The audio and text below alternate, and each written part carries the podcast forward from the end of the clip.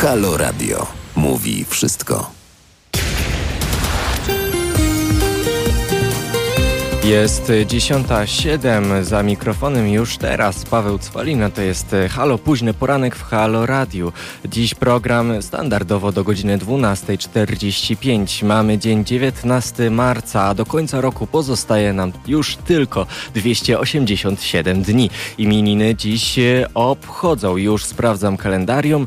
Tak, Bogdan, Bohdan, Bogodan, Jan Józef, Leoncjusz, Marceli, Marcer, Marcel, Marek, Narcyz i Sybillina. Wszystkim życzymy serdeczne wszystkiego najlepszego, a także wszystkiego najlepszego tym, którzy obchodzą dziś urodziny.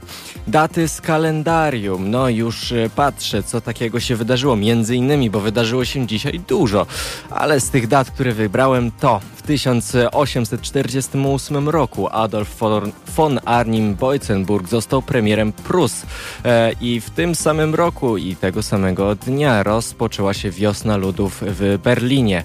Mm, z nocy, w nocy z 18 na 19 marca dokładnie. W 1900 roku otwarto zakłady Fiata w Turynie, a w 1981 roku funkcjonariusze milicji obywatelskiej i służb bezpieczeństwa brutalnie interweniowali wobec delegatów NSZZ Solidarność podczas sesji wojewódzkiej Rady Narodowej w Bydgoszczy. To jest tak zwana prowokacja bydgoska.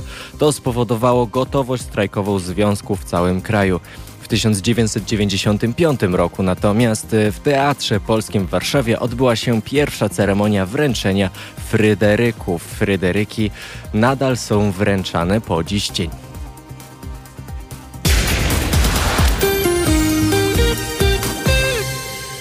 No i mamy dziesiątą osiem, a już teraz e, w studio z nami jest e, Katarzyna Ozon ze Stowarzyszenia Otwarte Ramiona. Będziemy już e, za moment rozmawiać o sytuacji związanej z babcią Kasią, która jakoby miała zaatakować drzewcem flagi ostatnio na proteście policjanta. Kolejne zarzuty zostały wniesione do prokuratury w tej sprawie. Porozmawiamy o tym już o 10.15, jakie mogą być konsekwencje i czy to było zachowanie zachowanie uzasadnione, a poza tym też porozmawiamy o tym, czy to rzeczywiście tak się wydarzyło, czy to nie jest przypadkiem też kolejna e, nagonka medialna. Ja tylko w takim razie zostawmy to na 10.15, a jeszcze szybko powiem co dalej, bo czas nas nagli dzisiaj dużo gości. Michał Potocki, ekspert do spraw Rosji, Białorusi i Ukrainy, dziennikarz DGP, wypowie się na temat sytuacji geopolitycznej geopolitycznej Rosji na temat domniemanego konfliktu z państwami nadbałtyckimi, czyli Litwa, Łotwa i Estonia jest dzisiaj na świeczniku.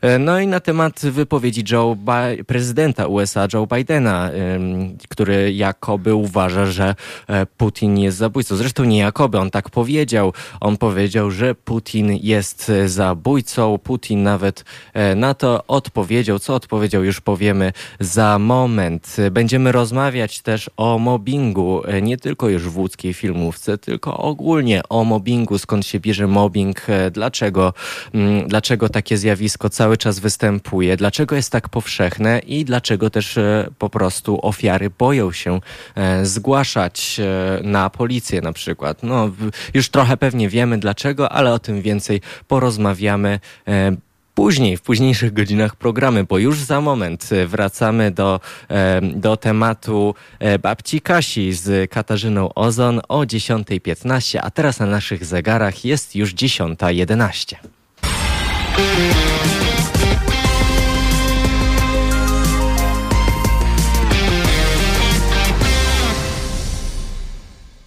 E, godzina 10.17, a już teraz moją i Państwa przede wszystkim gościnią na antenie Halo Radia jest e, Katarzyna Ozon ze Stowarzyszenia Otwarte Ramiona. Dzień dobry panie redaktorze, dzień dobry Państwu. E, dzień dobry pani, um, pani pani, pani babcia, babcia Kasia em, podobno zaatakowała drzewcem flagi funkcjonariusza e, policji. Tak e, wczoraj e, donoszono we wszystkich w zasadzie mediach, również w mediach tabloidowych, również w tych wszystkich szmatławcach, ale no my również postaramy się o tym porozmawiać dzisiaj.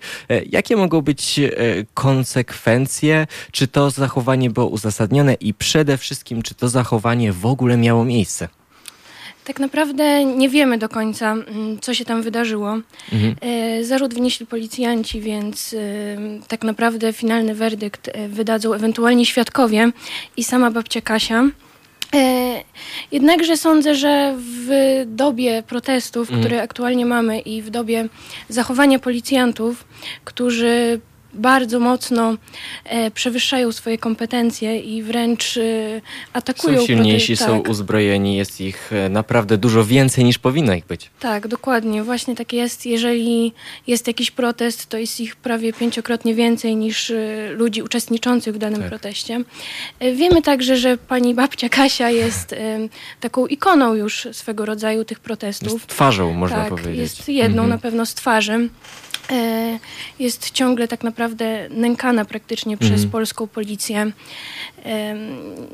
Praktycznie na każdym proteście jest jakaś sytuacja, w której ta biedna starsza pani e, zostaje przez tych policjantów zaatakowana praktycznie. Wszyscy chyba słyszeliśmy o tej sytuacji, tak. która miała miejsce, gdzie babcie Kasie wsadzono do aresztu. Tak naprawdę nie mamy pojęcia za co. I, traktor, I dalej nie wiemy za tak, co. Tak, i dalej nie mhm. wiemy za co. Nie zostało wydane żadne oświadczenie policji e, w tej sprawie. E, żadna informacja nie obiegła mediów, dlaczego akurat takie zachowanie wobec tej pani zostało zastosowane. E, no i babcia Kasia była tam wręcz torturowana, no bo jak inaczej nazwać hmm. sytuację, gdzie starszej osobie chorej są odmawiane podstawowe leki. rzeczy, jak hmm. leki czy dostęp do toalety. Hmm. No tak, e, tortury, represje wobec babci Kasi to już też sprawa, ja mam nadzieję, że sprawa głośna, ale wydaje mi się, że chyba też nie na tyle głośna, bo, e, bo jednak e, media raczej, ja tak przeglądałem sobie ostatnio doniesienia właśnie na temat babci Kasi. W cudzysłowie jest podane, że uderzyć policjanta flagą miała, ale z drugiej strony dalej jest raczej traktowana jako taka, no Babcia Kasia, no, jedna z uczestniczek e, protestu, a tak naprawdę policja naprawdę bardzo mocno się już, można powiedzieć, uwzięła na tej kobiecie. Tak, to prawda. Właśnie tak jak przed chwilą mówiłam, mm. jest bardzo dużo sytuacji z nią związanych. E, być może policjantom jest tak wygodnie, ponieważ jest po prostu osobą starszą. Mm. Ja też na protestach bywałam i widzę, w jaki sposób policjanci zachowują się wobec osób uczestniczących w tych protestach, że podchodzą przede wszystkim do kobiet starszych, kobiet młodych, mm. osób, które y, wyglądają na takie, które nie będą w stanie się bronić. Tak. Y, a mężczyzn, którzy w jakiś sposób mogliby im zagrozić i... No to już brutalnie tak, traktują. To po pierwsze traktują totalnie brutalnie, a po drugie po prostu uwzięli się na osoby słabsze. To prawda, no to jest, to jest łatwiejsze. To jest zresztą takie, można powiedzieć, zachowanie frajera. Ja bym to tak określił, tak bym tak. to nazwał e, po imieniu po prostu, bo jakby można było inaczej to nazwać. Mm, jeśli by się okazało, że jednak doszło do uderzenia, na przykład już nawet przypadkowego, to um, czy są jakieś dowody y, na to, czy, czy jest jakieś nagranie, czy są jakieś nagrania? Y, są nagrania, gdzie babcia Kasia jest y, generalnie w tej całej kordonie policyjnym, gdzie się szamota. Tak naprawdę mhm. nic konkretnego na nich nie widać, więc ewentualne dowody odnośnie tego, czy ona uderzyła kogoś, mhm. czy nie, czy to było przypadkowe, czy zamierzone, y, powinny zostać przedstawione i tak naprawdę na nich powinna bazować policja, e, a nie na jakichś nagraniach, na których tak naprawdę no, nic nie widać. No właśnie, nadal mamy chyba sytuację, w której ofiary się nie broni, ofiary się atakuje. Tak, niestety taka jest tendencja aktualnie i e, w tej sprawie też jako stowarzyszenie mm. apelowaliśmy i interweniowaliśmy między innymi do Rzecznika Praw Obywatelskich, gdzie po prostu polska policja traktuje y, obywateli jakby nie, nie broniła w ogóle ich praw. No, traktuje, tak naprawdę... traktuje ich z wysoka, ponieważ Tak. to oni mają władzę, to oni mają władzę wykonawczą w tym Mhm. momencie. Policja powinna przede wszystkim stać po stronie obywateli, Tak. bronić ich praw i w momencie, kiedy są protesty, które są tak naprawdę w 100% legalne, e, powinna zabezpieczać zgromadzenie, powinna Tak. pilnować, czy ktoś zgromadzenia nie atakuje, e, czy nie wbił się w cudzysłowie ktoś, kto chciałby zaszkodzić e, tym kobietom protestującym, a policja zamiast tego dostaje rozkazy takie jak szamotanie babci Kasi i wtrącanie do więzienia ludzi i do aresztu takich, którzy tak naprawdę nic nie zrobili, Mhm. a jedynie na tym proteście są. To są po prostu działania e, w kierunku represji, to są działania e, opresyjne też, represyjne. To są działania, które mają zdusić e, głos protestujących, ale to są też właśnie tak naprawdę działania nielegalne, bo nawet to, co robi policja, bo, bo to nie jest tak, że ona ma wybór, czy bronić, czy, czy atakować. Ona po prostu ma bronić, ma chronić ludzi protestujących, którzy, przypominamy cały czas, jakbyście Państwo, niektórzy z Was e, nie byli świadkami tych e, protestów, to. mm, to tak naprawdę no, te protesty są bardzo pokojowe, ludzie po prostu przechodzą, oczywiście krzyczą, mówią, zakłócają. Jedyne co można powiedzieć tutaj to e, zakłócają może porządek e, ruchu drogowego, czy, czy jest głośniej, ale z drugiej strony jest to zarejestrowany protest, więc jest to w ramach, w ramach prawa, wszystko Tak. jest legalne, nikt policji atak, nie atakuje, a jeśli już ktoś e, uderza e, e, policjanta, to w obronie własnej. Dokładnie. Jeśli chodzi o protesty, to one są właśnie w 100% legalne. E, Są zwołane zgromadzenia, e, więc policja właśnie powinna bronić tych protestujących, a nie mm, wykorzystywać swoją pozycję do represji na ludziach, Mhm. gdzie możemy zauważyć, że na przykład e, często posłowie i posłanki opozycyjni biorą udział w tych właśnie protestach. I nawet oni są traktowani gazem, są wtrącani do powozów policyjnych i legitymowani, gdzie mają immunitet i tak naprawdę co jest y, najbardziej może nieśmieszne, wręcz Mhm. tragiczne w tej Mhm. sytuacji, jest to, że funkcję policji przejęli tak naprawdę politycy Tak. opozycyjni, którzy to oni rzucają się w obronę osób protestujących, w obronę osób, które są zamykane w kordonach i bez żadnej informacji gdzieś wywożone. Można w takim razie powiedzieć, że politycy praktycznie się biją między sobą, ale po prostu używają do tego rąk policji. Tak, to prawda. Jeśli chodzi o opozycję, to ona właśnie we własnej osobie uczestniczy, a rząd po prostu używa rąk policjantów. Trudno też winić każdego funkcjonariusza. Oczywiście są, Naprawdę. są funkcjonariusze, którzy e, właśnie przekraczają zakres swoich obowiązków i traktują ludzi bardzo źle, ale tak naprawdę Większość z nich robi to dlatego, że dostają na to przyzwolenie. Jeżeli człowiek, który jest zły, człowiek, który chce się wyżyć na innym, e, dostaje na to przyzwolenie, no to po prostu działa i to jest straszne w tej sytuacji. To prawda. Zresztą to też e, to, to nie jest temat, który tylko podczas tej części programu będziemy poruszać, bo będziemy również mówić właśnie o mobbingu, nie tylko już w łódzkiej filmówce. Tak naprawdę można powiedzieć, że to wszystko dotyczy się tego samego, czyli poczucia, poczucia siły, poczucia siły wobec e, słabszych, ale z drugiej strony też te protesty mm, i to, jak policja walczy z ludźmi, to, to tak naprawdę tylko... No, ja, ja nie jestem w stanie zrozumieć, jak by to miało zatrzymać e, protesty, bo przecież to wzburza tylko agresję ludzi. Tak, to prawda. Ludzie stają się bardziej e, właśnie agresywni. E, ludzie stają się bardziej chętni do walki o swoje prawa, kiedy widzą, że po prostu są tam bici, gazowani. E, to po prostu ich bulwersuje i nie dziwię się, ponieważ e, to nie jest normalne zachowanie w demokratycznym państwie.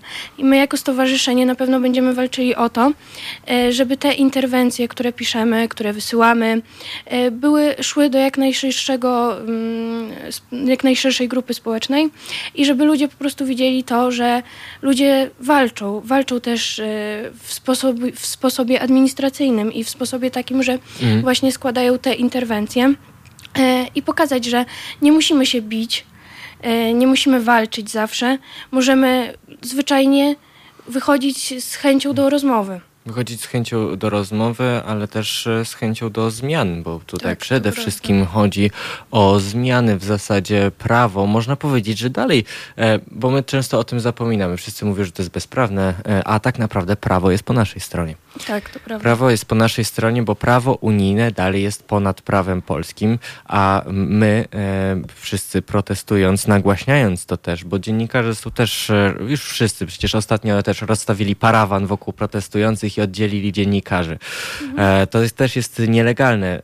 Te, te wszystkie działania, które, które teraz, których jesteśmy świadkami, czasami nawet uczestnikami, e, one są dla nas legalne, dla policji nie powinny w Dokładnie. ogóle e, być możliwe. Dokładnie. Moją i Państwa gościnią w e, tej części e, programu była już e, Katarzyna Ozon. Znaczy jest nadal w studio, ale niestety nasza rozmowa się e, Ja ze swojej kończy. strony mogę jeszcze dodać, że na pewno też jako stowarzyszenie e, będziemy e, interweniować i prosić o pomoc e, panią rzecznik europejską, rzeczniczkę praw Mhm. obywatelskich, o to, żeby zainterweniowała w tych tematach, które dzieją się właśnie w Polsce.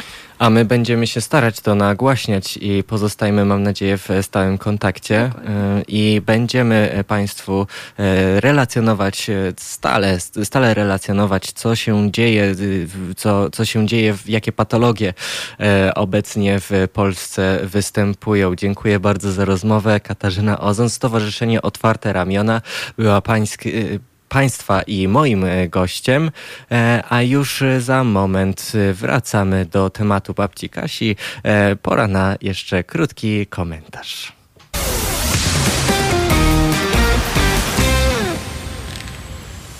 Jest e, 11. Jest 11.33. a To jest Halo, późny poranek jeszcze w Halo Radiu. Halo dzień rozpocznie się już e, za pół godziny, mm, ale do tego e, przejdziemy e, za pół godziny, bo teraz jeszcze postanowiłem krótko skomentować samodzielnie i opisać, przedstawić Wam sytuację represji wobec protestujących, bo to nie tylko babcia Kasia tutaj jest cały czas ofiarą, bo jak, jak dotarliśmy do najnowszych informacji, to wcale nie jest tak, że babcia Kasia po prostu wzięła tą flagę, naostrzyła ją na przykład e, w domu i po prostu wyszła e, i zaszarżowała na policję, a biedni policjanci po prostu oberwali kijem e, od starszej kobieciny, bo przecież, przecież wszyscy wiemy, jak to ostatnio wygląda. Zresztą przed chwilą rozmawialiśmy o tym z e, Kasią Ozon ze Stowarzyszenia Otwarte Ramiona. Em, Babcia Kasia, nawet jeśli kogoś uderzyła, mm, to mm, po pierwsze, to było we wrzawie policyjnej, w kordonie, gdzie każdy każdego uderza, nawet ramieniem, bo po prostu wszyscy są ściśnięci. Mm, To po pierwsze. Po drugie, jeśli, jeśli uderzyła nawet nie w kordonie, co jest już bardzo nieprawdopodobne, to, to w obronie własnej jest to niemożliwe. Nie ma dowodów na to. Nikt do tej pory nie przedstawił dowodów na to, że babcia Kasia samodzielnie zaatakowała policjanta kijem, e, jakimkolwiek kijem, czy to już e, od, e, czy to już jest baseball, czy to już jest flaga, to jest nieważne. Nie mamy na to dowodów, więc e, to, co się dzieje w mediach, jest również takim szumem. E, Ja postanowiłem e, ten temat podnieść nie tylko w kontekście babci Kasi, tylko po prostu w kontekście tej medialnej wrzawy, żeby zweryfikować informacje. Stowarzyszenie Otwarte Ramiona zajmuje się właśnie takimi zgłoszeniami, głównie też nie tylko zgłoszeniami, ale, em, ale również po prostu będąc świadkami naocznymi e, e, te wydarzenia. E, Kasia na poza anteniu tak zwanym powiedziała mi, że sama dostała e, wezwanie do, do sądu za uczestnictwo w proteście i powiedziała mi również o przypadku chłopaka z młodzieżówki lewicy, który uczestniczył w proteście, który to jest informacja również pochodząca od z młodzieżówki wiosny, tak, nie, nie wiosny e, Roberta Biedronia. I ten chłopak e, został e, wzięty, zakuty w bransoletki, e, wzięty do suki policyjnej. Po jakimś czasie wyszedł i okej, tam tylko go spisali, a potem się okazuje, że dostał kuratora za sądowego za demoralizację, za zdemoralizowane zachowanie, czyli za uczestnictwo w proteście. On ma teraz kuratora. Więc tak, tak wygląda represjonowanie również młodzieży, która tak naprawdę jest większością na tych protestach, ponieważ to młodzi ludzie będą przyszłością tego narodu, to my, ja tutaj też jestem młodym człowiekiem, Azbo, która realizuje, też jest młodą osobą i my, my wszyscy jesteśmy przyszłością tego kraju. My wszyscy będziemy protestować i się nie powstrzymamy przed e, dalszymi protestami, bo to po prostu musi, musi się zmienić. Nie ma innej, e, innej drogi, nie ma innego wyboru. No chyba, że nasze państwo chce rzeczywiście, żeby to było państwo samych starych ludzi, e, żeby po prostu tutaj wszyscy mieszkający na, w ojczyźnie po prostu sobie powymierali w pewnym momencie, bo po prostu już są w wieku sędziwego. Ja się bardzo cieszę, niesamowicie się cieszę, że też e, starsze osoby, starsze wiekiem od nas osoby, takie jak właśnie babcia Kasia, uczestniczą w tym. E, kochani, jeśli nawet nie czujecie się już młodymi, jeśli czujecie się już, e, jeśli już czujecie, że należycie do tej starszej grupy wiekowej, to to nic nie znaczy. Jeśli macie takie, a nie inne poglądy, to wyrażajcie je. Wyrażajcie je, pomagajcie nam walczyć. To jest sprawa wspólna, to jest sprawa nasza i wasza. To jest e, sprawa najwyższej wagi, ponieważ e, kryzys ustrojowy w Polsce nie zmieni się, nie zakończy się, jeśli my na to nie wpłyniemy. Jeśli my nie będziemy się odzywać do mm, na przykład do Trybunału Sprawiedliwości jeśli, Europejskiego, jeśli się nie będziemy odzywać e, po prostu sami już, już do nikogo, po prostu do wszystkich wokół, na ulicach, e, na protestach, mm, to nikt tego nie zrobi za nas. To jest nasz czas, to jest nasza wspólna sprawa, nasza i wasza. Mm, już e, i, i oczywiście tu chodzi o aborcję w tym momencie, tu chodzi o kobietę, ale tu chodzi chodzi też o e, prawa osób e, LGBT, e, prawa prawa obywatelskie, prawa mniejszości seksualnych, mniejszości też etnicznych, mniejszości, mniejszości narodowych, bo przecież Polska dla Polaków, ziemia dla ziemniaków to jest chyba ulubione dalej hasło rządzących. Nic się, proszę Państwa, nie zmieniło. Wczoraj mówiłem również o strategii klimatycznej nic, czyli no i chuj. No i właśnie, no tak, można, można tak chyba skonstatować każdą strategię i politykę państwa E, polskiego w tym momencie. A tymczasem na naszych zegarach, kończąc już ten, e, mam nadzieję, płomienny e, wywód, Mamy 10.38, już prawie 39 i za moment wrócimy do przeglądu prasy. To jest późny haloporanek. Późny Halo Poranek w Halo Radio 10.46 już na naszych i waszych zegarach. Paweł Cwalina dalej przy mikrofonie. Zostanę z Państwem do 12.45. Przypominam. Paweł Kukis, Paweł Kukis w Zjednoczonej Prawicy mówi, że dopuszcza taką możliwość. Jak podaje Polsat News, dopuszcza możliwość zasilenia Zjednoczonej Prawicy, jeśli do nowego ładu zostałyby wpisane cztery postulaty ustrojowe Kukis 15 i byłaby gwarancja ich realizacji. Deklaruje Paweł Kukis, lider Kukis 15 w rozmowie z Rzeczpospolitą. No już wcześniej słyszeliśmy o tym, że Paweł Kukis no trochę romansuje z ze Zjednoczoną Prawicą. Zobaczymy, jak to dalej się potoczy. E, z nieoficjalnych informacji wynika, z takich zakulisowych, że pa Paweł Kukis jest również, e, no właśnie, nie wiadomo czy szczęśliwym, czy nieszczęśliwym posiadaczem aparatów słuchowych, więc e, mm, wygląda na to, że zdolności poznawcze również są zaburzone, bo ludzie z, z problemami słuchowymi po prostu mają problem z przyjmowaniem E, komunikatów e, i zrozumieniem. No tak po prostu jest. E, z tego nie należy się śmiać, proszę Państwa, ale, ale może z tego wynika również to, dlaczego Paweł Kukis tak bardzo angażuje się tak naprawdę w siłę opresyjną.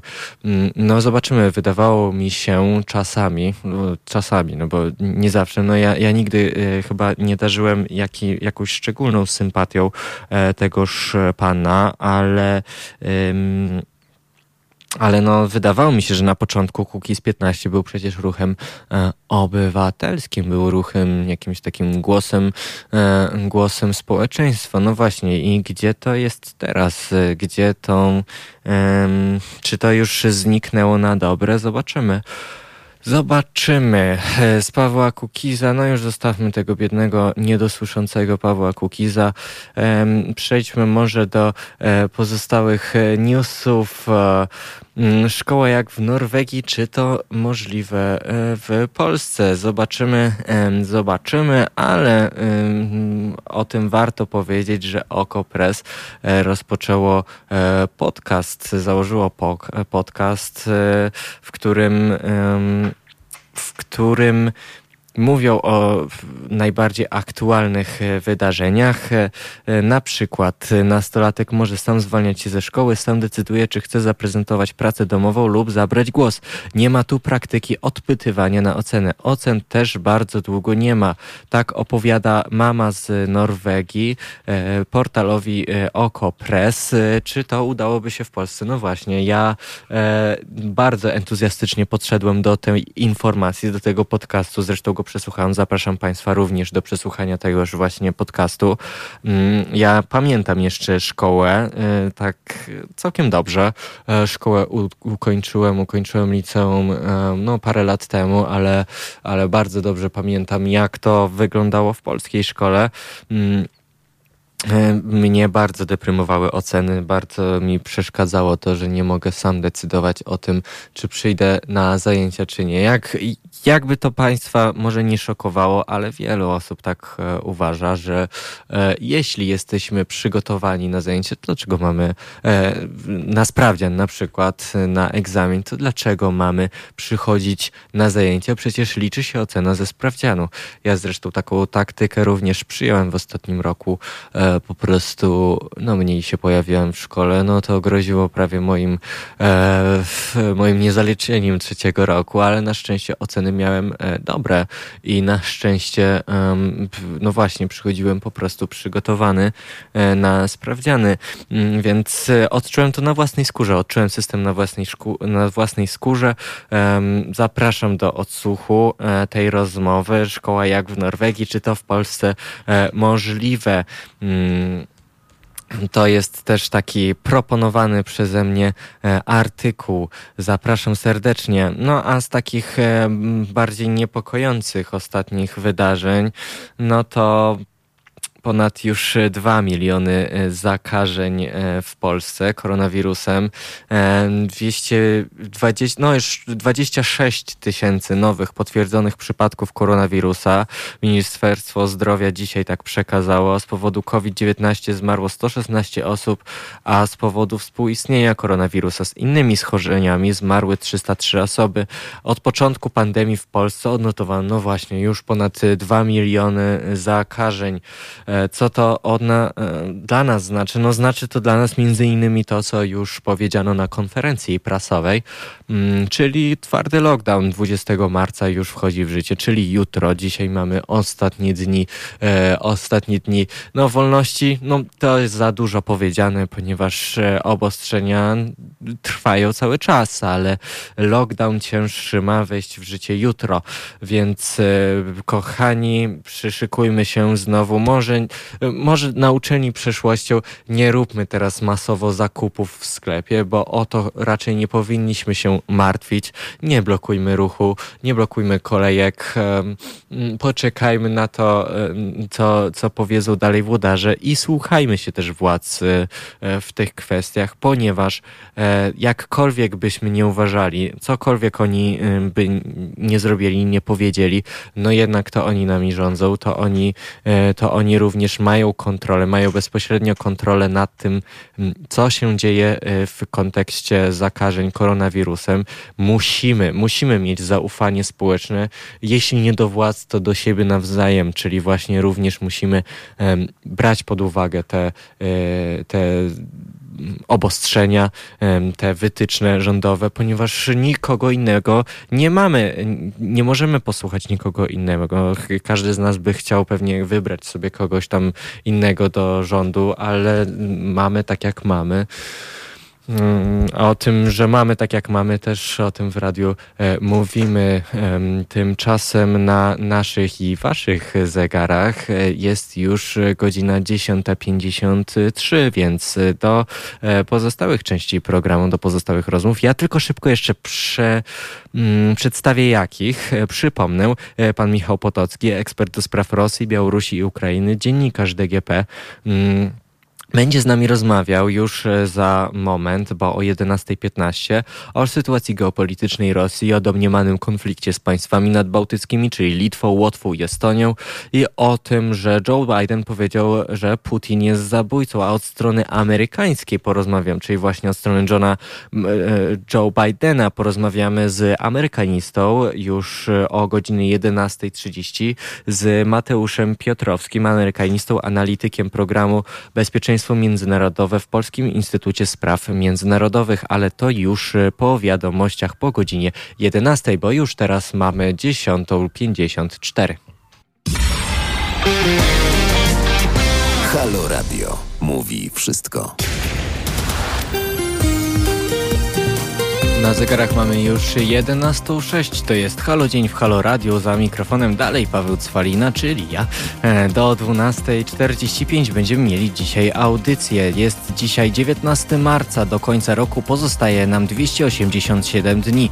Imieniny dziś obchodzą Bogdan, Bogodan, Bohodan, Jan, Józef, Leoncjusz, Marceli, Marcel, a także Marek, Narcyz i Sybillina. Wszystkim e, solenizantom życzymy serdeczne wszystkiego najlepszego. Także tym, którzy obchodzą dziś urodziny. E, w 1848 roku Adolf von Arnim Boycenburg został premierem Prusy. W tym samym roku, tego samego dnia, e, w nocy, bo w nocy z 18 na 19 marca wybuchły walki uliczne w Berlinie. To oznaczało początek wiosny ludów e, w Niemczech. W 1900 roku otwarto zakłady Fiata w Turynie, a w tym roku jak donosiły wiele, donosiło wiele portali, również sam Fiat przecież, e, został wypuszczony elektryczny, pierwszy elektryczny Fiat 500. To ważna data dla Fiata. Tak się zrymowało. W 1981 roku funkcjonariusze Milicji Obywatelskiej i Służb Bezpieczeństwa brutalnie interweniowali wobec delegatów NSZZ Solidarność podczas sesji Wojewódzkiej Rady Narodowej w Bydgoszczy. To była tak zwana prowokacja bydgoska. To właśnie spowodowało gotowość strajkową związków w całym kraju. W 1995 roku w Teatrze Polskim w Warszawie odbyła się natomiast pierwsza ceremonia wręczenia Fryderyków. Fryderyki wręczane są do dziś.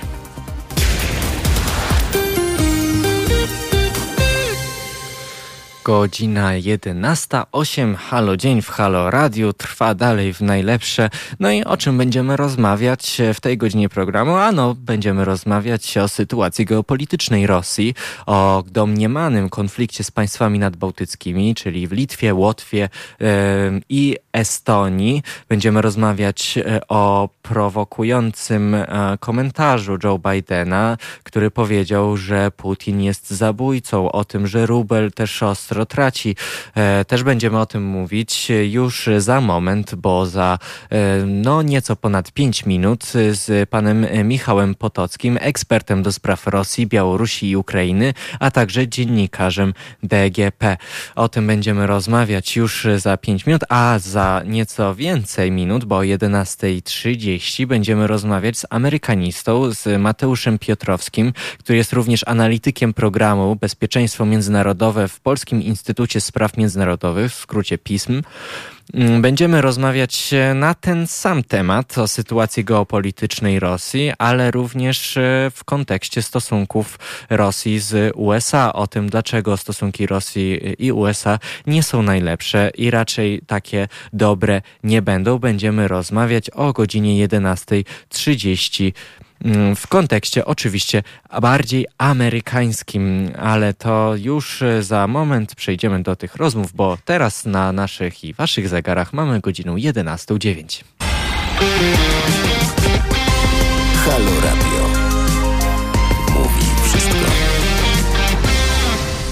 Jest godzina 11.14, prawie 11.15, a już teraz na antenie Halo Radia e, jest już pan Michał Potocki, ekspert do spraw Rosji, Białorusi i Ukrainy, dziennikarz DGP. Będziemy rozmawiali o sytuacji geopolitycznej Rosji i państw ościennych. Dzień dobry. Dzień dobry. Panie Michale, e, Putin jest zabójcą, tak powiedział Joe Biden. E, rubel e, ostro traci na wartości. No i no i no co z tego wynika? Bowiem jak widzimy, relacje Joe'a Bidena i Władimira Putina są po prostu słabe, są, można powiedzieć, naprawdę e, niezadowalające w kontekście też e, ogólnej sytuacji na świecie. Co to może oznaczać dla, e, dla innych państw, dla nas też? No, pierwsze takie zastrzeżenie niezadowalające zależy dla kogo.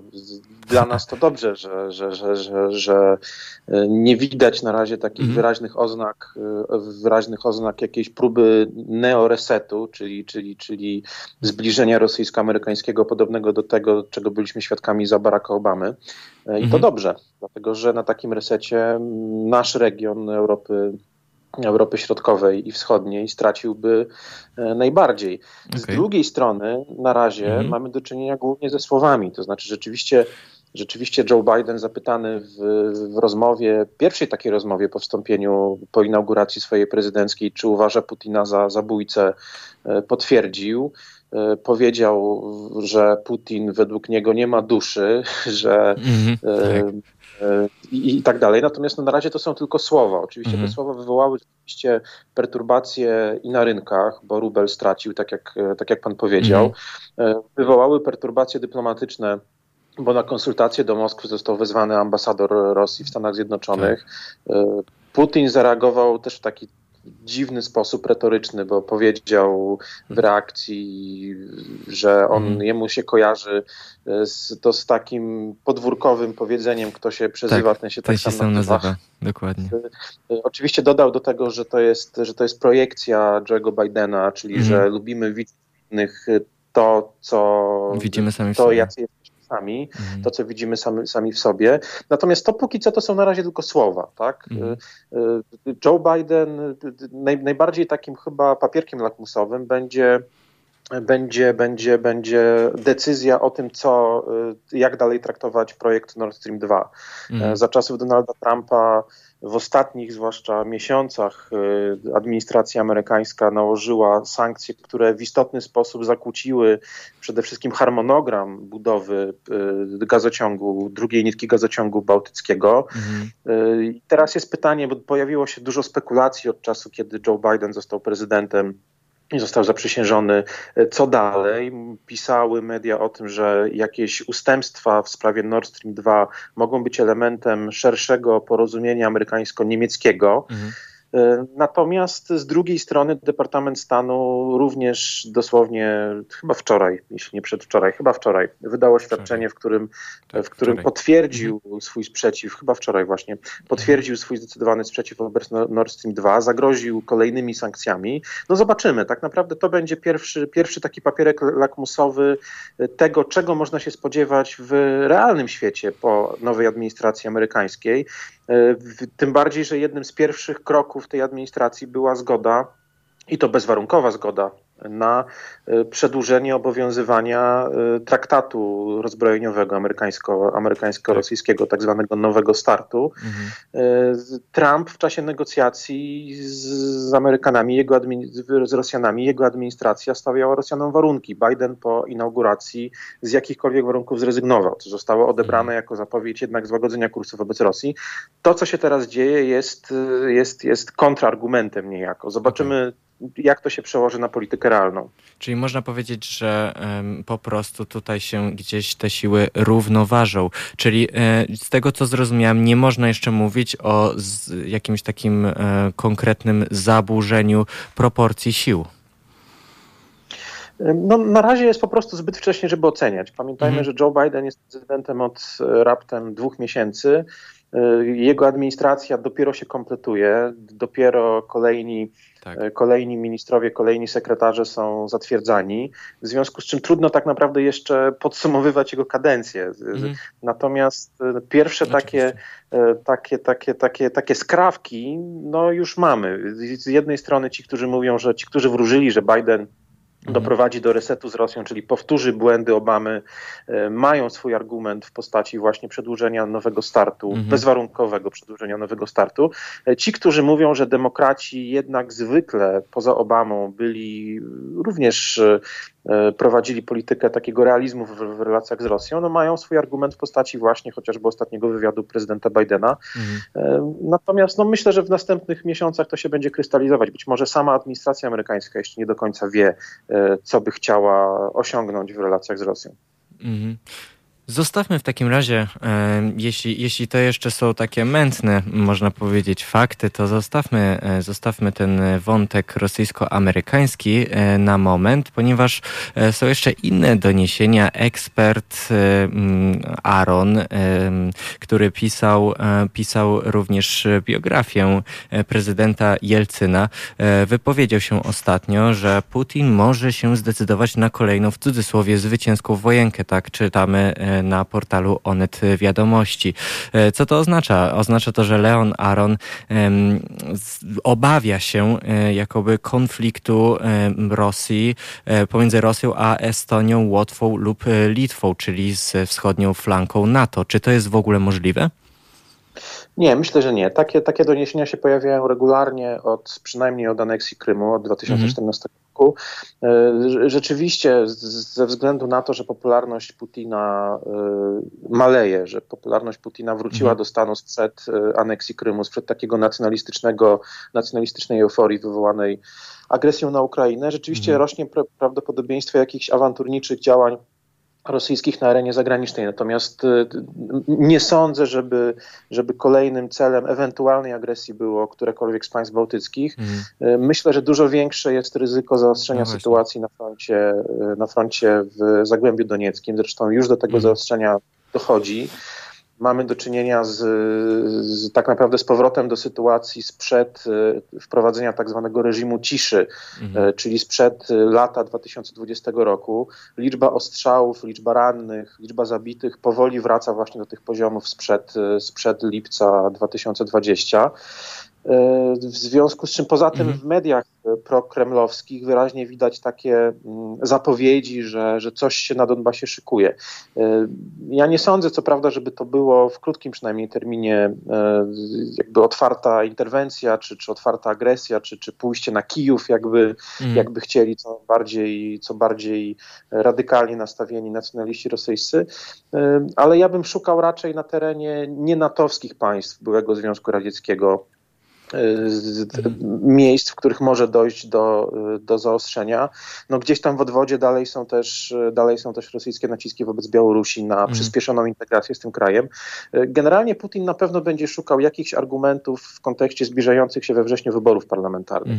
Mm. I rzeczywiście to jest okres ryzykowny. Widać wyraźnie i zaostrzenie w polityce wewnętrznej, to znaczy dużo większe E, represje, które już trwają wobec opozycji, ale też takie, które możemy, takie, których możemy oczekiwać, to znaczy postępująca e, coraz większe próby kontroli internetu, mm. zapowiedzi zablokowania Twittera e, na tak, terenie Na razie Federacji Twitter jest spowalniany, jak czytamy. W... Na razie jest spowalniany, mm. tak, dlatego że odmawia, odmawiają zachodnie platformy internetowe usuwania na przykład informacji mówiących o, czy, czy, czy tweetów, czy, czy wiadomości zapowiadających protesty w obronie Aleksja Nawalnego na przykład. To był kazus mm. ze stycznia co rosyjskie władze uznały za złamanie rosyjskiego prawa, w związku z czym na tym tle doszło do konfliktu. Więc no, to nie będzie łatwy rok ani dla e, rosyjskich środowisk niezależnych, mhm. ani dla sąsiadów Rosji, ale nie sądzę, żeby, żeby, żeby, żeby agresja rosyjska poszła akurat na, e, na mhm. państwa bałtyckie, tym bardziej, że Rosjanie pewnie będą szukać możliwości, możliwości nakłonienia Waszyngtonu, przynajmniej w tym pierwszym roku, do, do, jakiegoś, do mhm. jakiegoś szerszego porozumienia.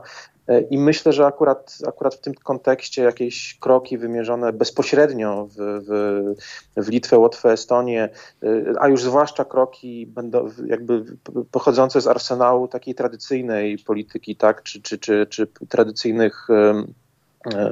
Krótko mówiąc, użycie, użycie siły tak. Y, raczej chyba w krótkim terminie to w grę nie, y, nie wchodzi. Czyli, y, czyli nawet raczej nie powinniśmy tutaj mówić o wojnach hybrydowych, w których nieoficjalnie Rosja by brała udział, rozumiem. A to jest, to, to jest inne pytanie, dlatego mhm. że termin sam termin wojna hybrydowa on jest bardzo szeroki. On obejmuje chociażby również próby ingerencji w procesy wyborcze, e, próby, kampanie dezinformacyjne w mediach tradycyjnych i społecznych które cały czas trwają i to, to, jak najbardziej tego można się spodziewać, czego najlepszym przykładem chociażby było e, również z tego tygodnia Ingerencja. włamanie na stronę u nas, u nas w Polsce Aha. i próba, próba wykreowania wykreowania fałszywej informacji o rzekomym skażeniu jądrowym na Suwalszczyźnie. Hmm. Szybko zdementowana, no ale, ale też nieprzypadkowa, dlatego że trwają przecież rozmowy dotyczące, dotyczące budowy w Polsce elektrowni atomowej. W związku z czym ślady myślę, że myślę, że no, zawsze powstaje pytanie qui bono, tak? Kto hmm. skorzystał? Ślady moim zdaniem w sposób oczywisty prowadzą na wschód.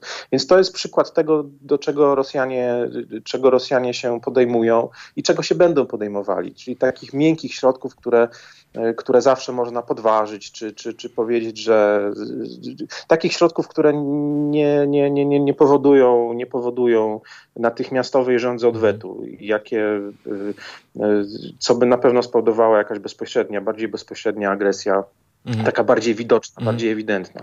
Czyli z tego co rozumiem, no może konfliktu otwartego nie będzie, e, przynajmniej e, w najbliższych, e, najbliższych miesiącach, ale, ale na pewno burza nad Rosją nie przestaje grzmieć i no, zwłaszcza w kontekście samego Władimira Putina, który od dwóch lat ma najniższe poparcie, bo ma poparcie na poziomie 25% w Rosji. Czy to znaczy, to jeszcze pytanie na koniec, niestety już powoli musimy kończyć, e, ale na koniec jeszcze zadam pytanie, czy to, że Putin ma poparcie 25% teraz, no może ono się tam różnić plus minus 5% w tym momencie, ale czy to mm, świadczy też o tym, że nacjonaliści rosyjscy również odwrócili się od Putina? A czy mogę zapytać, skąd dane o takim poparciu? Bo mam wrażenie, że one są bardzo mocno zaniżone. To znaczy, mhm. nawet, nawet sondaże, w których się, nawet, nawet sondaże, już pierwsza rzecz jest taka, że sondażom tak. z Rosji, sondaże z Rosji zawsze trzeba traktować z pewnym, e, e, z pewną, z pewną pobłażliwością, dlatego że, dlatego że w państwie autorytarnym siłą rzeczy te wyniki nie są do końca wiarygodne. Tak? Jeżeli mm. ludzie dostają telefony, w których ktoś ich pyta o stosunek do dyktatora, no to siłą mm. rzeczy mają tendencję, żeby mówić, e, żeby, żeby go raczej chwalić, niż przyznawać się do, do mhm. niechęci. To, to jest Drugi, źródło tak, wiadomości dziennik, już tutaj sprawdzam właśnie w tym momencie. Poziom zaufania Rosjan do prezydenta Władimir, Władimira Putina spadł pod koniec maja do 25%. To są dane z... E, to są dane z przy, sprzed maja mm, jeszcze. Poziom, poziom, poziom zaufania, a poziom popularności to są, to są, to są dwie mhm. różne rzeczy. Pamiętajmy, w Polsce swego czasu, nie wiem, w latach 90. Jacek Kuroń miał, cieszył się zaufaniem 70% Polaków, mhm. a jak przyszło co do czego i wystartował w wyborach, e, to nie wszedł nawet do drugiej tury, więc jakby to jedno z drugim, jedno okay. z drugim niekoniecznie musi mieć coś wspólnego. Rzeczywiście zaufanie do władzy szeroko pojętej w Rosji maleje. Mhm. Rzeczywiście jest obecnie na najniższych poziomach, być może nawet w całej historii władzy Władimira Putina, e, a na pewno jest rekordowo niskie. I właśnie z tego wynikały te bardzo drastyczne reakcje na powrót Aleksja Nawalnego, z tego wynikało, wynikało odświeżenie jego wyroku, odwieszenie jego wyroku. Z tego wreszcie wynika, wynikają te bardzo takie gwałtowne ruchy wymierzone w społeczeństwo, mhm. środowiska niezależne, mm. opozycyjne. Pewnie tego można się w przyszłości spodziewać i pewnie Rosjanie będą próbowali, zresztą już teraz to widać, będą próbowali szukać nowych źródeł legitymacji, mm. nowych źródeł poparcia dla, dla władz. Takim źródłem jest, y, którego Rosjanie, którego rosyjskie władze próbują, które rosyjskie władze próbują wykorzystać, jest kampania promocyjna szczepionki Sputnik V. A. Hmm kampania, zwłaszcza zagraniczna. Mhm. Jak się popatrzy na liczby, to liczba dawek wyeksportowanych, czy też, czy też zaaplikowanych samym Rosjanom nie jest jakaś bardzo wysoka. Rosja wcale nie jest na szczycie państw pod względem skuteczności akcji szczepionkowej, ale każdy, każda wysyłka transportu ze szczepionkami za granicę zwłaszcza jest opatrzona taką kampanią PR-ową, która ma przekonać Rosjan do tego, że pod rządami Władimira Putina ich państwo jest przodującym państwem w dziedzinie właśnie nauki, dbania o, o, o zdrowie, mhm w polityce zagranicznej i tak dalej. Na tym na pewno też Kreml będzie próbował, będzie próbował grać. Czyli nie tylko na, nie tylko kij wymierzony w media, w Twittera, mhm. w opozycję, być może w sąsiadów, ale też marchewka w postaci no przynajmniej szczepionki, bo niewiele już tych marchewek Zostało. Kremlowi mhm. pozostało o tym, że niewiele marchewek Kremlowi zostało i o tym, e, jakie mogą być alternatywy dla e, słabnącego, e, no może nie słabnącego, ale o słabszym ostatnio poparciu, czy też wizerunku Władimirze Putinie. Rozmawiałem na antenie Haloradia z panem Michałem Potockim, ekspertem do spraw Rosji, Białorusi i Ukrainy, a także dziennikarzem DGP. Dziękuję bardzo za rozmowę. Dziękuję serdecznie, do usłyszenia. Do usłyszenia. A tymczasem mamy już 11.30 e, i już za moment łączymy się z kolejnym gościem programu, e, z panem e, Mateuszem Piotrowskim, amerykanistą.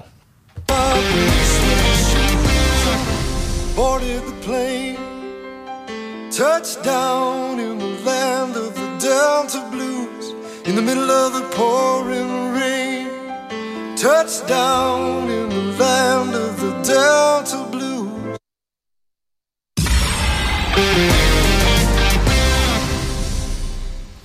Jest 11.36 na naszych i waszych zegarach, a my już e, szybko przechodzimy do naszej kolejnej rozmowy na temat e, sytuacji geopolitycznej Rosji, ale już w tym momencie w kontekście amerykańskim z panem Mateuszem Piotrowskim, amerykanistą właśnie, analitykiem programu Bezpieczeństwo Międzynarodowe w Polskim Instytucie Spraw Międzynarodowych będziemy rozmawiać. Dzień dobry. Dzień dobry. E, panie Mateuszu, powtórzę pytanie, które e, wcześniej powtórzyłem, ale teraz właśnie w kontekście amerykańskim je zadam. E, Putin jest zabójcą, tak uważa Joe Biden, a rubel ostro traci. Ostatnia polityka międzynarodowa USA w kontekście Rosji no nie wygląda najlepiej. Czy to już powinno nas niepokoić, czy, czy to są na razie jakieś takie pojedyncze medialne podrygi, można powiedzieć? To znaczy, jeżeli mogę od razu tak to naprostować, moim tak. zdaniem e, nie wygląda najlepiej z punktu widzenia Rosji. E, mhm. Okay. Oczywiście, bo z, z, punktu widzenia powiedziałbym Polski czy Europy Środkowo-Wschodniej nie wygląda to aż tak źle. Tak, to już, e, też, oczywiście... też po, poprzedni gość właśnie zaznaczył. To, to tak, to w takim razie w kontekście, w kontekście Rosji nie wygląda dobrze, w kontekście, w kontekście Polski wygląda nie aż tak źle. Dlaczego? Y, już tłumaczę. Nie, mhm. nie, możemy oczywiście przewidywać y, zero-jedynkowo, w którą stronę to zmierza. Natomiast wydaje mi się, że ostra retoryka Bidena, nazwanie go mordercą, przytaknięcie tak. właściwie na pytanie, czy uważa, że Putin jest mordercą, y, no, będzie za sobą pociągało ostrą politykę wobec Rosji. To jest mhm. jakiś sygnał, że prób resetu, jakiejś takiej poprawy relacji, spoufalania się właściwie z Rosją nie będzie, mhm. ale nie oznacza to jednocześnie, że zostaną zerwane relacje dyplomatyczne. Biden wyraźnie to w kampanii kampanii sygnalizował mhm. i już po wyborach, czy nawet po zaprzysiężeniu, on i jego ludzie mhm. na, na czele z sekretarzem stanu Blinkenem sygnalizowali, że z Rosją trzeba rozmawiać e, o pewnych kwestiach, czy to współpracy NATO-Rosja, e, rozbrojeniach, przedłużenie traktatu Nowy Start jest tu najlepszym przykładem. Także nie mhm. wydaje mi się, żeby to szło w stronę wielkiego zaognienia E, okay. w stosunkach dwustronnych. oczywiście Rosja będzie wskazywać na to, że Stanom Zjednoczonym wcale nie zależy na poprawie relacji, no. ale no tutaj podkreśliłbym jednak, że, że Rosja jest państwem łamiącym prawo międzynarodowe, e, nie tylko w kontekście aneksji terytoriów, ale też e, zamachów na życie własnych obywateli. To, mhm. to w kontekście właśnie wypowiedzi bezpośrednio Bidena. E, więc wydaje mi się, że w związku z tym po stronie amerykańskiej po prostu nie ma chęci do dążenia do poprawy tych relacji, póki Rosja własnego podejścia nie zmieni, a to się raczej nie prędko zmieni. No to się raczej, e, to prawda, to się nie prędko zmieni. Zresztą e, ostatnie nawet doniesienia o autoryzowaniu przez prezydenta Rosji Władimira Putina działań mających oczerniać Joe Bidena i jego partię demokratyczną, one raczej, te doniesienia raczej nie wpłynęło bardzo na, na samego Putina, który e, raczej, raczej pobłażliwie potraktował tę sprawę. Do, dla niego nie jest, to, nie jest to nic wielkiego. Po stronie rosyjskiej oczywiście zostało to skomentowane, e, iż są to bezpodstawne doniesienia, jakie nie, nie tylko e, względem samego Putina, ale ogólnie zaangażowania Rosji E, w sianie kampanii dezinformacyjnej, bo to co istotne, jaka jest różnica w, w kontekście tego raportu dotyczącego zagranicznej ingerencji w wybory w 2020 w stosunku mm. do ingerencji w 2016, to to, że Rosja e, według amerykańskiego wywiadu nie starała się wpłynąć na sam wynik wyborów. W tym kontekście, że nie hakowano maszyn do zliczania głosów, Mm. I, I, tym podobne rzeczy. Takich działań nie było. Natomiast kampanie dezinformacyjne, cała budowanie tej afery mhm. korupcyjnej związanej z Hunterem Bidenem na tak. Ukrainie, tak. działania właśnie na Ukrainie, by to podsycać, wpływ na ludzi związanych z Rudy'm Giulianim, prawnikiem Trumpa, mhm. który bardzo tę aferę podsycał. No to są wszystko działania, które miał autoryzować bezpośrednio Władimir Putin i to są główne wskazania tego raportu. W związku z tym właśnie Joe Biden pojawił się w telewizji i tam pojawiło się pytanie no e, właśnie. o właśnie Czy Putin jest łatkę mordercy przypiętą mhm. Putinowi. Tak jest. No właśnie. W takim razie no, medialnie no, i, i też no, nie tylko dyplomatycznie stosunki się, można powiedzieć, ochłodziły, ale na pewno nie można ich nazwać e, jeszcze e, do końca zimnymi, bo przecież nie chcemy się, sobie tu kojarzyć e, sytuacji z zimną wojną, to jeszcze do tego bardzo daleko. Ale e, czy w kontekście ochłodzenia tych stosunków e, pomiędzy Rosją a USA, albo USA Rosją, jak to woli, czy, czy USA będzie szukać nowych sojuszników, na przykład w Chinach? W Chinach raczej nie, niekoniecznie, biorąc pod uwagę e, wczorajsze spotkanie na Alasce Blinkena i, i doradcy do spraw mm. bezpieczeństwa Sullivana właśnie z przedstawicielami Chin, to spotkanie no, było jeszcze bardziej chłodne. Rodem jakby wszyscy panowie wyszli dopiero co z kryokomory. Mm. Atmosfera naprawdę była niesprzyjająca. Dochodziło też do takich dziwnych spięć. Chińczycy chcieli wyprosić e, przedstawicieli mediów, E, Blinken wstawał, z, przepraszam, Sullivan wstawał z za stołu i mówił, że media zostają. To dochodzi do wyraźnych napięć poza mhm. samą retoryką i celami, z którymi przyjechali na to spotkanie. No widać, mhm. że, że są jakieś y, problemy dezorganizacyjne. Chińczycy jakby no nie byli u siebie. Alaska jednak od, od 59, no tak. 1959 jest stanem. E, formalnie no Stanów no Zjednoczonych. Chińska nigdy nie była nawet patrząc historycznie, a tutaj jednak Chińczycy próbowali jakieś zasady ustalać, więc nie wydaje mm. mi się, żeby Chiny mogły być jakkolwiek e, wciągane, że tak powiem, w jakiś dialog przez Amerykanów. Znowuż mm. tutaj podkreślę, pewne mm. rzeczy będą. To Biden sygnalizował. Kwestia rozbrojeń, chociaż Chińczycy wcale nie będą się chcieli do tego dołączyć, no bo przecież póki co nie podlegają żadnym limitom. E, twierdzą, że są nadal państwem rozwijającym się i ich arsenał nikomu nie zagraża. Ale kwestie klimatyczne też Biden może chcieć tutaj wnosić na agendę. Mm. Pytanie, jak po takim rozpoczęciu dialogu w ogóle będzie możliwość jego rozwoju. No właśnie, ja tutaj też chcia, chciałbym dodać właśnie w kontekście tych, tych rozmów z Chinami, jeszcze chłodniejszych od rozmów z, z Rosją ja odnoszę takie wrażenie, że USA przez y, rządy y, Donalda Trumpa y, bardzo, bardzo, bardzo, zresztą to nie jest tylko wrażenie, to są również statystyki, po prostu bardzo straciło w oczach innych mocarstw. Polityka międzynarodowa się po prostu drastycznie pogorszyła. Czy to znaczy, że możemy już tutaj mówić o stałym osłabieniu USA, czy to jeszcze za wcześnie, ponieważ przecież Joe Biden teoretycznie może wyprowadzić USA z kryzysu również E, polityki międzynarodowej. Może i na pewno będzie do tego dążył. To jest podstawowy chyba cel taki odgórny, jeżeli chodzi o zarys globalnej mhm. polityki zagranicznej Stanów Zjednoczonych i wydaje mi się, że jest to do osiągnięcia. W pewnym sensie pozycja Stanów Zjednoczonych za Trumpa oczywiście się osłabiła, jasne, szczególnie jeżeli mhm. chodzi o fora wielostronnej współpracy. To w ogóle nie podlega dyskusji. Wiarygodność sojusznicza Stanów Zjednoczonych Niestety y, w pewnym sensie Stany Zjednoczone osłabły, ale nie nieodwracalnie. I pierwsze decyzje polityki Bidena jakoś starają się na te podpowiednie tory ponownie naprowadzić Stany Zjednoczone. To jest, to, to jest dobry sygnał, biorąc pod uwagę, że mhm. właściwie jutro dopiero będą dwa miesiące prezydentury Bidena, a, a, a, już jakieś sygnały ku temu widzimy. Zazwyczaj przegląd polityki, szczególnie w tych strategicznych kierunkach, jak obecnie Chiny czy Rosja, trwa, y, trwa no, kilka miesięcy przynajmniej. Tutaj mm -hmm. dość szybko mm -hmm. zostały zarysowane nowe cele za pomocą tymczasowego dokumentu wydanego przez administrację Bidena. Y, mam więc nadzieję, jako Amerykanista, że ta pozycja y, globalnego przywódcy Stanów Zjednoczonych zostanie przez Bidena odbudowana, bo, bo oczywiście nie w taki sposób, że Chiny i Rosja nie będą się liczyć na świecie. To jest absolutnie niemożliwe. One nadal będą e, mhm. rozciągać swoje wpływy, ale jako Polska, jako państwo europejskie, czując się jako, jako Polak, jako Europejczyk, bliżej mi jest na pewno do zestawu wartości, które Stany Zjednoczone promują na świecie, niż do jakiegoś ogólnego zestawu wartości promowanego przez Rosję czy Chiny. Jasne. Mm, ja też chyba, no już nie jako amerykanista, ale po prostu Europejczyk i, e, i Polak, obywatel Rzeczypospolitej.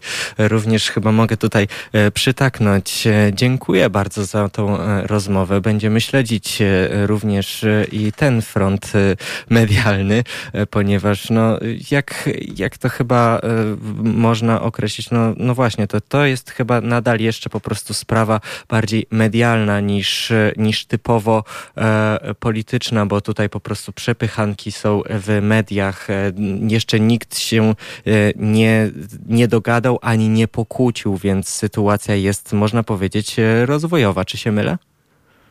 Jeszcze jest rozwojowa, na pewno mhm. nie, jest, nie jest to sytuacja podbramkowa, z której nie da się jeszcze wyjść w żadną ze stron. Więc można w takim razie chyba jeszcze odetchnąć z ulgą, e, a tymczasem na e, naszych zegarach jest już 11.45, więc niestety nasza rozmowa e, dobiega końca. Moim i Państwa gościem był pan Mateusz Piotrowski, amerykanista i analityk pism. Dziękuję bardzo za, za wizytę, zdalną wprawdzie, ale wizytę w naszym radiu. Dziękuję uprzejmie. Dziękuję, pozdrawiam. Godzina 11.45, tak jak powiedziałem na naszych zegarach, już za moment e, wracamy z prasówką. Także proszę z nami zostać, proszę nie uciekać. To jest Halo Dzień w Halo Radio. Jest godzina 11.53, a my przechodzimy do ostatnich wiadomości z prasy. Wczoraj o godzinie 18.42 został opublikowany e, artykuł na Onecie, który mówi nieoficjalnie rząd rozważa wprowadzenie zakazu przemieszczania się i twardy lockdown. E, ten lockdown, który e, został zapowiedziany na jutro, no jeszcze nie do końca można nazwać twardym, chociaż potocznie już jest jest tak e, nazywany. E, twardy lockdown w rozumieniu rządu to również zakaz przemieszczania się jak ustalił Onet, jeśli dynamika zachorowań na COVID-19 w Polsce będzie przybierać na sile, a liczba dziennych zakażeń przekroczy ponad 30 tysięcy osób, rząd jeszcze bardziej może zaostrzyć restrykcje i zamknąć niemalże wszystkie sklepy i usługi. E, źródła rządowe potwierdzają także, że w w kancelarii premiera trwają prace nad prawnymi uregulowaniami dla wprowadzenia zakazu przemieszczania się. Zobaczymy, czy ten lockdown e, będzie legalny, ponieważ e, ostatni zakaz e, przemieszczania się i też e, ten twardy lockdown, który był również blokowanie restauracji i, mm, i przedsiębiorstw gastronomicznych, no, no to wszystko było nie do końca legalne, po prostu nie do końca, nie ma czegoś takiego, jest albo tak, albo nie, było nielegalne, więc e, zobaczymy jak to dalej będziemy wyglądać, będziemy się sprawie e, bacznie e, przyglądać, a z takich bardziej obyczajowych spraw, ale nie tylko obyczajowych, bo, e, bo to w sumie już nie jest do końca obyczajowe, to jest bardzo poważna sprawa, to jest sprawa zabójstwa. Zabójstwo kobiety sprzed 17 lat. Um, śledczy z archiwum X e, znaleźli podejrzanego w tej sprawie. Dariusz P. został aresztowany w związku z zabójstwem 47-letniej Urszuli B., której ciało znaleziono w lipcu 2004 roku, czyli 17 lat temu w lesie koło Stężycy na Kaszubach. Mężczyzna usłyszał już zarzut zabójstwa na podstawie podstawie badania genetycznego śladów zostawionych na miejscu zbrodni. Tak, tak doniosła również Polska Agencja Prasowa, tak donosi również Onet i, i parę innych portali branżowych. To kolejna sprawa, w której śledczy z tak zwanego Archiwum X znaleźli podejrzanego po odtworzeniu materiału genetycznego pozostawionego przez sprawcę na miejscu zbrodni. Mm, takie sprawy często są twardym e, orzechem do zgryzienia dla policji, ale również dla wszystkich innych śledczych. To nie jest zawsze tak, że policja jest opieszała w swoich działaniach, po prostu brakuje dowodów. Na szczęście te dowody się e, nagle znalazło. Ciekawe to jest, że po 17 e, latach mm, mężczyzna był przesłuchiwany w charakterze świadka w toku śledztwa prowadzonego w 2004 roku, e, a we wtorek właśnie policja zatrzymała go w Gdańsku. To jest 32-letni Dariusz e, P. Został on doprowadzony do prokuratury okręgowej w Gdańsku. Tam usłyszał zarzut zabójstwa pokrzywdzonej. Mm, w chwili popełnienia zarzuconego czynu był nieletnim po ukończeniu 15 lat. E, podejrzany nie przyznał się do zabójstwa. E, sprawa jest w toku, sprawa jest rozwojowa. Również tej sprawie będziemy się e, przyglądać, a tymczasem na naszych zegarach jest już prawie 11.57, więc słyszymy się ponownie po wiadomościach.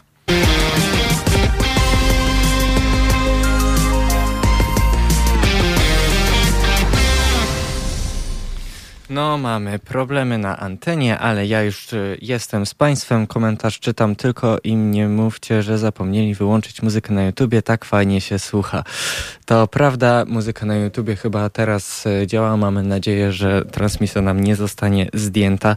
To nie jest wina y, realizacji w tym momencie. Po prostu mamy jakieś poważne problemy techniczne. Miejmy nadzieję, że nie zaburzy to funkcjonowania całej anteny. Wszyscy trzymajcie za nas E, kciuki, ale nie za bardzo trzymajcie również kciuki za to, żebyśmy e, dali radę dzisiaj opisać wszystkie ważne informacje, jakie się e, dziś zadziały, jakie się będą dziać. Um, no właśnie, o czym w tej godzinie? W tej godzinie już mówię, o czym między innymi o mobbingu na uczelniach, bo tu nie tylko na uczelniach, po prostu wszędzie.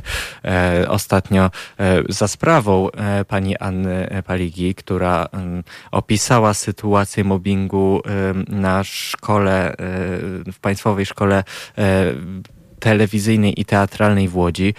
Mm, no, te doniesienia były bardzo niepokojące, bardzo, bardzo niepokojące, ale w zasadzie też dla mnie osobiście e, nic, nic bardzo nowego, ponieważ ja cały czas od znajomych słyszałem, jeszcze zanim pracowałem w radiu, słyszałem o, o tych sytuacjach w korzystając, y, można powiedzieć też z okazji, ponieważ no właśnie znane mi są te sytuacje, postaram się je nagłaśniać jak najczęściej. To są kolejne patologie, jakie się dzieją w naszym społeczeństwie.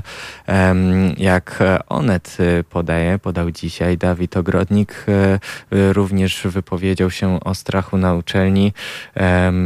Po upublikowanym poście Anny Paligi kolejni artyści zabierają głos w sprawie złego traktowania studentów na Wydziale Aktorów aktorstwa, aktorstwa łódzkiej filmówki. E, Dawid Ogrodnik w swoim poście zaznaczył, że ogromny strach poznał w krakowskiej szkole teatralnej, gdzie studiował aktorstwo. E, podał tam nazwisko wielokrotnie nagradzanej, nagradzanej aktorki. Mm, ten post próbuję właśnie wyświetlić. On się e, mi właśnie ładuje, więc już ja chętnie przeczytam opis.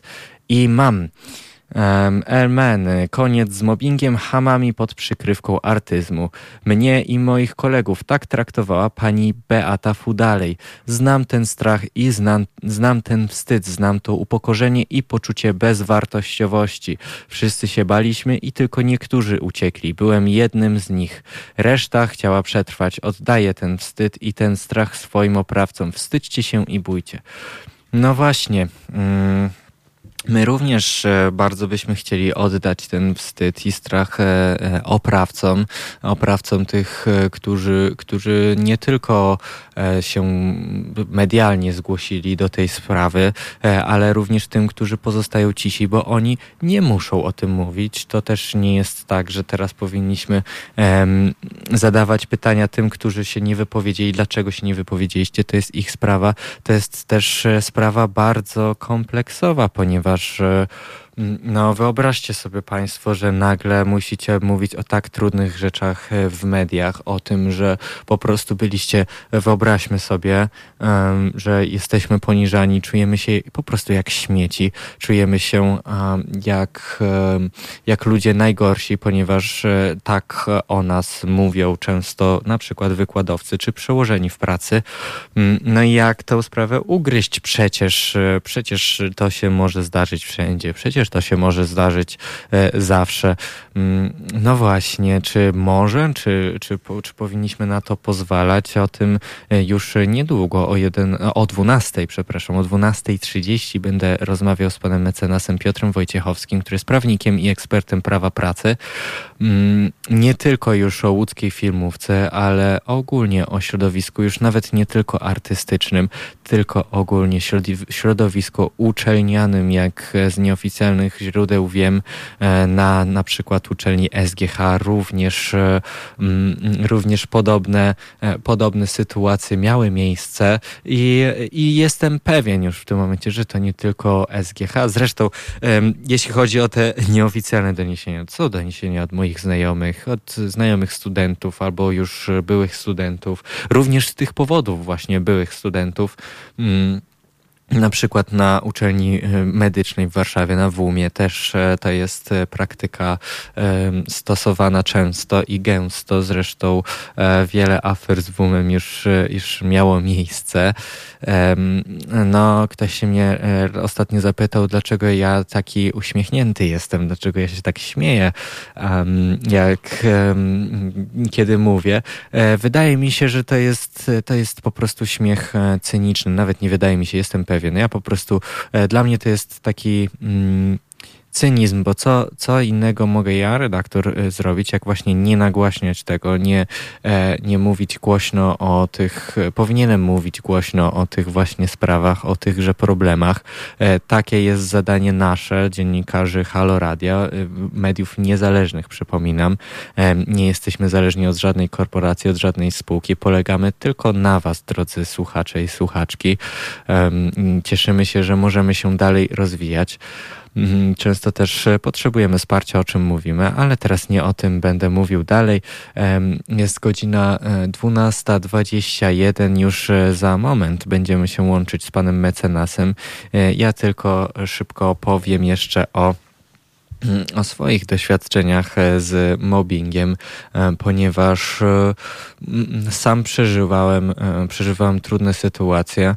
Mm, związane też ze, ze szkołą, czy e, no powiedzmy sobie szczerze, te sytuacje nie są łatwe do opowiadania o tym. Jak już teraz w tym momencie o tym zacząłem mówić, to zacząłem mieć w głowie, e, proszę Państwa, wątpliwości, czy powinienem o tym powiedzieć, czy, e, czy powinienem o tym mówić. No właśnie, myślę, że powinienem, myślę, że powinniśmy wszyscy to nagłaśniać. To jest mechanizm, to jest mechanizm, który pojawia się bardzo często w naszych głowach. To jest mechanizm strachu, właśnie efekt zastraszania przez przełożonych, przez tych, e, których, e, którzy mm, powinni coś, e, po, powinni być w zasadzie naszymi mentorami, powinni nas prowadzić ku dobrej drodze życiowej, powinni nas wspierać, a często nas nie wspierają i, i nie, nie, jeśli ktoś, ktoś do mnie mówi, że to się dzieje w Halo Radio, to nie,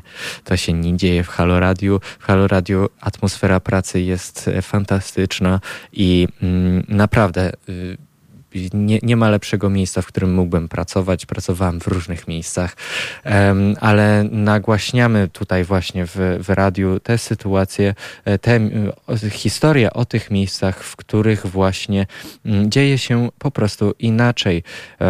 Kolejne doniesienia też przy okazji właśnie mm, tej ostatniej sprawy e, w szkole teatralnej, no właśnie.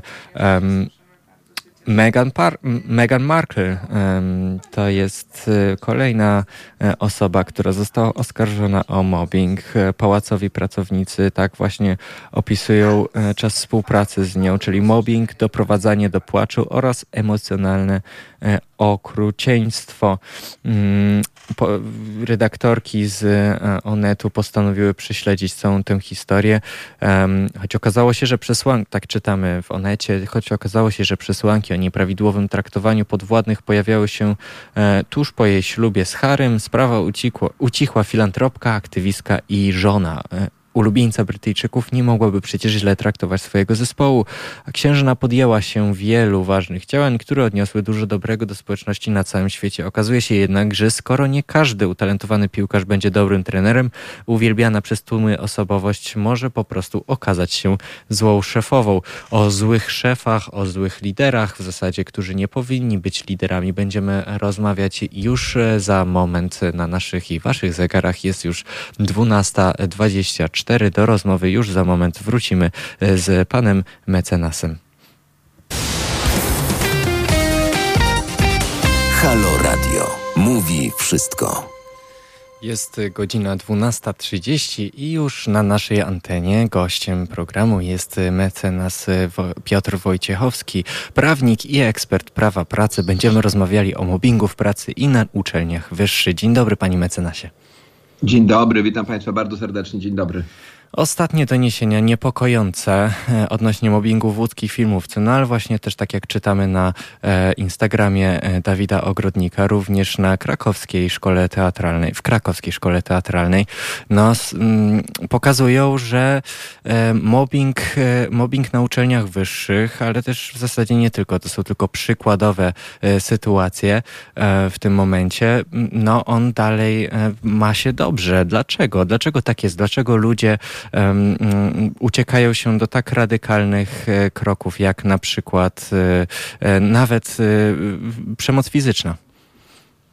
Ja myślę sobie, że od kiedy ten mobbing tak naprawdę jako pojęcie zostało zdefiniowane, a mhm. to stało się już wiele lat temu, był taki pan Lejman, który zajmował się tym zjawiskiem, to powiedział, że my ludzie mamy taką naturalną, że tak powiem, tendencję do w momencie, kiedy zamykamy się w określonych przestrzeniach i to może być praca, czyli zakład pracy, to może być wojsko, to może być więzienie czy szpital, to naturalna tendencja natury ludzkiej jest taka, że się natychmiast ze sobą jednak jednak męczymy po pewnym czasie i zaczynamy ze sobą walczyć. No taki mhm. rodzaj, powiedziałbym, pewnego zjawiska, które jest nam dane prawdopodobnie z perspektywy biologicznej, o tak bym to ocenił. Mhm.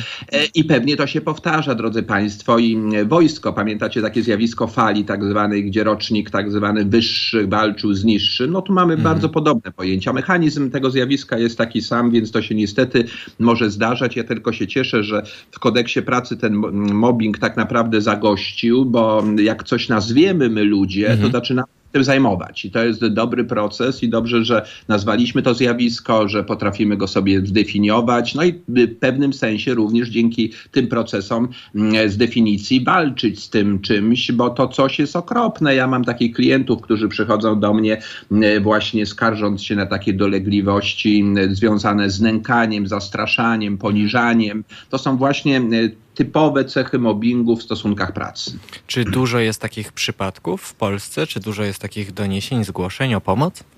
E, ja myślę, że takich statystyk to tak naprawdę na dobrą sprawę nikt nie prowadzi. E, natomiast no, do mojej kancelarii zjawi- e, przy, przychodzą ludzie, którzy właśnie się na to skarżą. Mm. Na mhm. szczęście coraz więcej firm w tym kraju, ja zresztą sam to bardzo u swoich klientów przestrzegam i dbam o to. Na szczęście jest tak, że mm, coraz więcej pojawia się tak zwanych procedur antymobbingowych i wzrasta świadomość społeczna tego zjawiska, więc jeśli pracownik czuje w organizacji, że jest poddawany tego typu praktykom, no to ma się się gdzieś odwołać, pojawiają się tak zwani oficerowie antymobbingowi w organizacjach, do których się można odwołać, pojawia się tak zwana komisja antymobbingowa, która wyjaśnia te kwestie, także y, jeżeli ktoś krzyknie na tak zwanym zakładzie mobbing, no to już w tej chwili obserwuję w Polsce, że to nie jest takie hasło, które kiedyś byłoby nazwane histerią, jakimś mhm. wyczul, przeczuleniem i tak dalej, tylko rzeczywiście realnie się zaczynają, za, zaczynają tym e, pracodawcy przejmować i mm,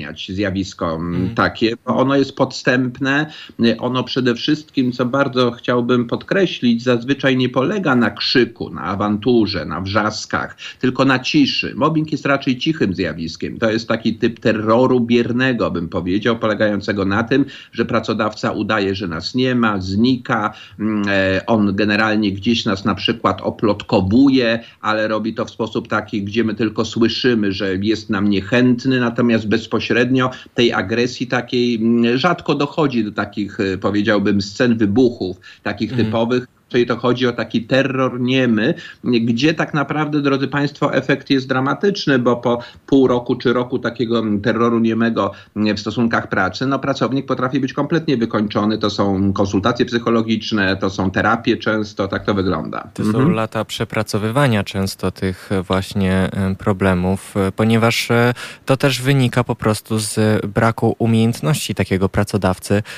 w e, umiejętności w panowaniu nad E, emocjami, bo e, czy to jest chcący, czy niechcący, to się po prostu dzieje. Powiedział pan, e, panie mecenasie, o um, oficerach mobbingowych na stanowiskach również e, korporacji na przykład, czy firm po prostu.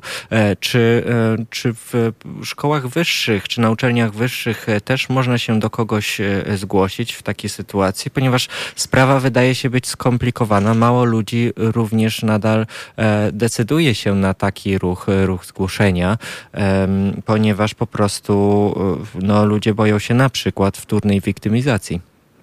No tak, tak, tak, tak bywa, dokładnie. Przede wszystkim pierwszą emocją, taką mhm. najbardziej charakterystyczną emocją, z jaką zgłasza się do mnie klient, który podejrzewa, że jest mobbingowany, to jest emocja lęku, strachu, mhm. więc przede wszystkim trzeba pokonać tę emocję, a to nie jest łatwe, zwłaszcza jeśli mówimy o stosunkach pracy czy stosunkach uczelnianych, gdzie mamy typowe podporządkowanie i lęk przed utratą pracy. No jeżeli czujemy lęk przed utratą pracy, to często słyszę taką historię, to lepiej znosić już jakieś tam niepogody ducha u przełożonego, niż tak naprawdę reagować.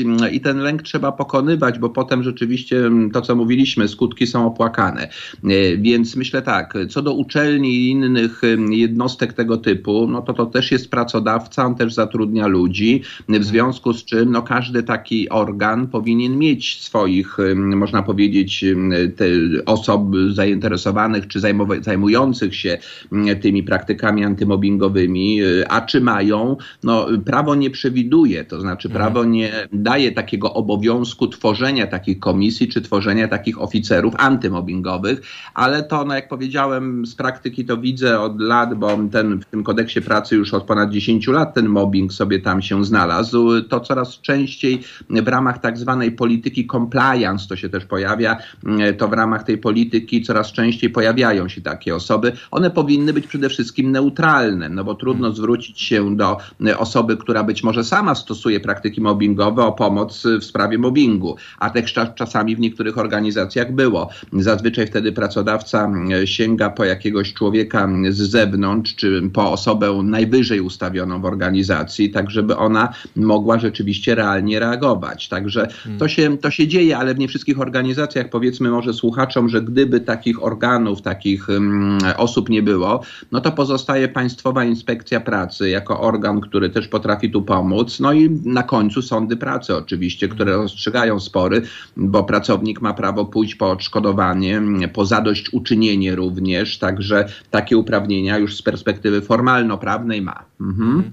No właśnie, tu po, pojawia się również chyba też ten um, problem, bo oprócz tego, no, e, powiedział Pan, że, że są, um, są e, podmioty odpowiedzialne w sumie za, um, za instytucje, odpowiedzialne za monitorowanie tego albo pomoc po prostu e, takim osobom poszkodowanym, ale tutaj pojawia się również problem psychologiczny, bo jak czytamy właśnie na no, wielu zresztą portalach odnośnie właśnie właśnie Państwowej Wyższej Szkoły, Szkoły Filmowej, Telewizyjnej i Teatralnej w Łodzi.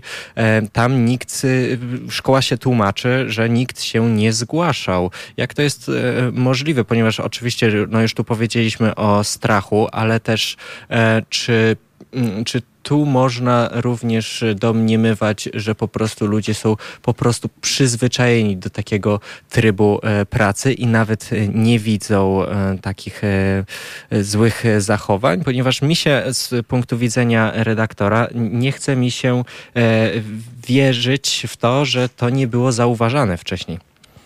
No, to nie, panie lektorze, absolutnie myślę, że mi też się nie chce wierzyć i wcale nie musimy w to wierzyć. Lęk, lęk. Moim zdaniem mhm. prosta zasada.